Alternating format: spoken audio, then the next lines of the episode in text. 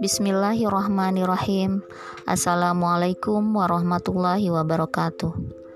Alhamdulillah, alhamdulillahilladzi arsala rasulahu bil huda wa dinil haq liyudhhirahu ala dini kullih wa ala alihi wa ajmain.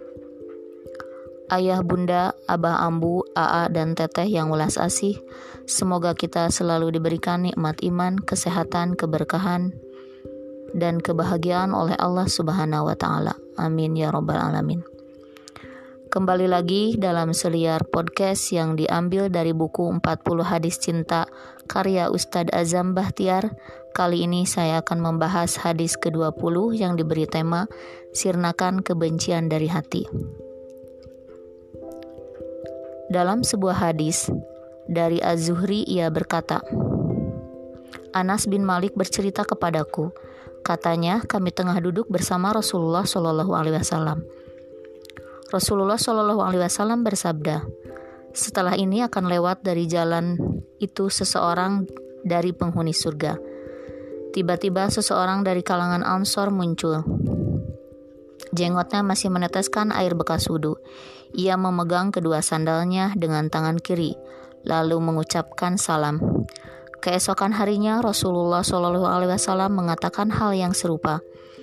Begitupun orang itu pun muncul seperti pertama kali.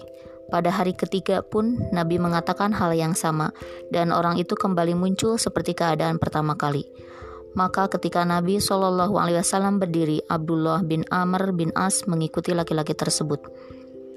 Sesungguhnya aku bertengkar dengan ayahku dan aku bersumpah untuk tidak bertemu selama tiga hari.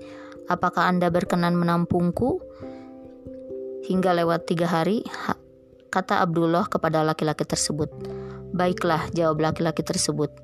Anas melanjutkan.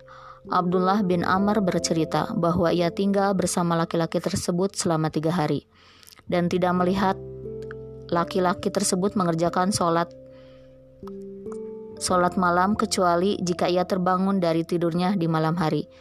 Ia beralih posisi sambil berzikir dan bertakbir sampai waktu subuh. Abdullah bin Amr melanjutkan setelah lewat tiga hari. Hampir saja aku memandang remeh amal perbuatannya. Aku berkata kepadanya, Wahai hamba Allah, sesungguhnya tidak ada rasa marah dan perseteruan antara aku dengan ayahku. Hanya saja aku mendengar Rasulullah berkata, akan lewat seseorang penghuni surga setelah ini. Dan kemudian engkau muncul tiga kali, maka aku ingin tinggal bersamamu. Untuk menyaksikan apa yang engkau kerjakan, namun tidak kusaksikan dirimu suatu amalan yang banyak. Jadi apa yang menyebabkan Rasulullah berkata demikian mengenaimu? Tidak ada yang lain kecuali yang engkau lihat, jawab laki-laki tersebut. Maka ketika aku berpaling pergi, dia memanggilku dan berkata, "Tidak ada apa pun kecuali yang engkau saksikan, kecuali bahwa aku tidak mendapati di dalam diriku kebencian kepada seorang pun dari kaum muslimin dan aku tidak hasad ataupun iri kepada seorang pun atas anugerah kebaikan yang Allah limpahkan kepadanya." Abdullah pun menyahut, "Jadi inilah amalan yang menyebabkannya, yang tidak mudah dilakukan oleh setiap orang." Riwayat Imam Baihaqi. Dalam sebuah hadis, Nabi Shallallahu Alaihi Wasallam memperingatkan kita tentang penyakit dengki. Beliau bersabda, La tahasadu wa la tanajasu wa la tabaghadu wa la tadabaru wa la yagtabagdakum alaba wa kunu ibadallahi ihwana. Al muslimu ahul muslim la yadlimuhu wa la yahduluhu wa la yahkiruhu rawahu muslim. Janganlah kalian saling hasad, jangan kalian saling mencurangi, jangan kalian saling membenci, jangan kalian saling menjauhi, jangan pula kalian saling menawar barang yang sedang ditawar. Jadilah kalian hamba Allah yang saling bersaudara.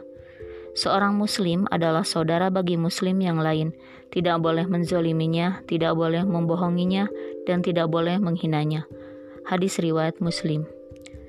Dari hadis di atas kita dapat mengambil pelajaran bahwa amalan yang akan memasukkan bahwa amalan yang akan memasukkan ke surga itu bukan hanya ibadah mahdoh seperti sholat dan puasa.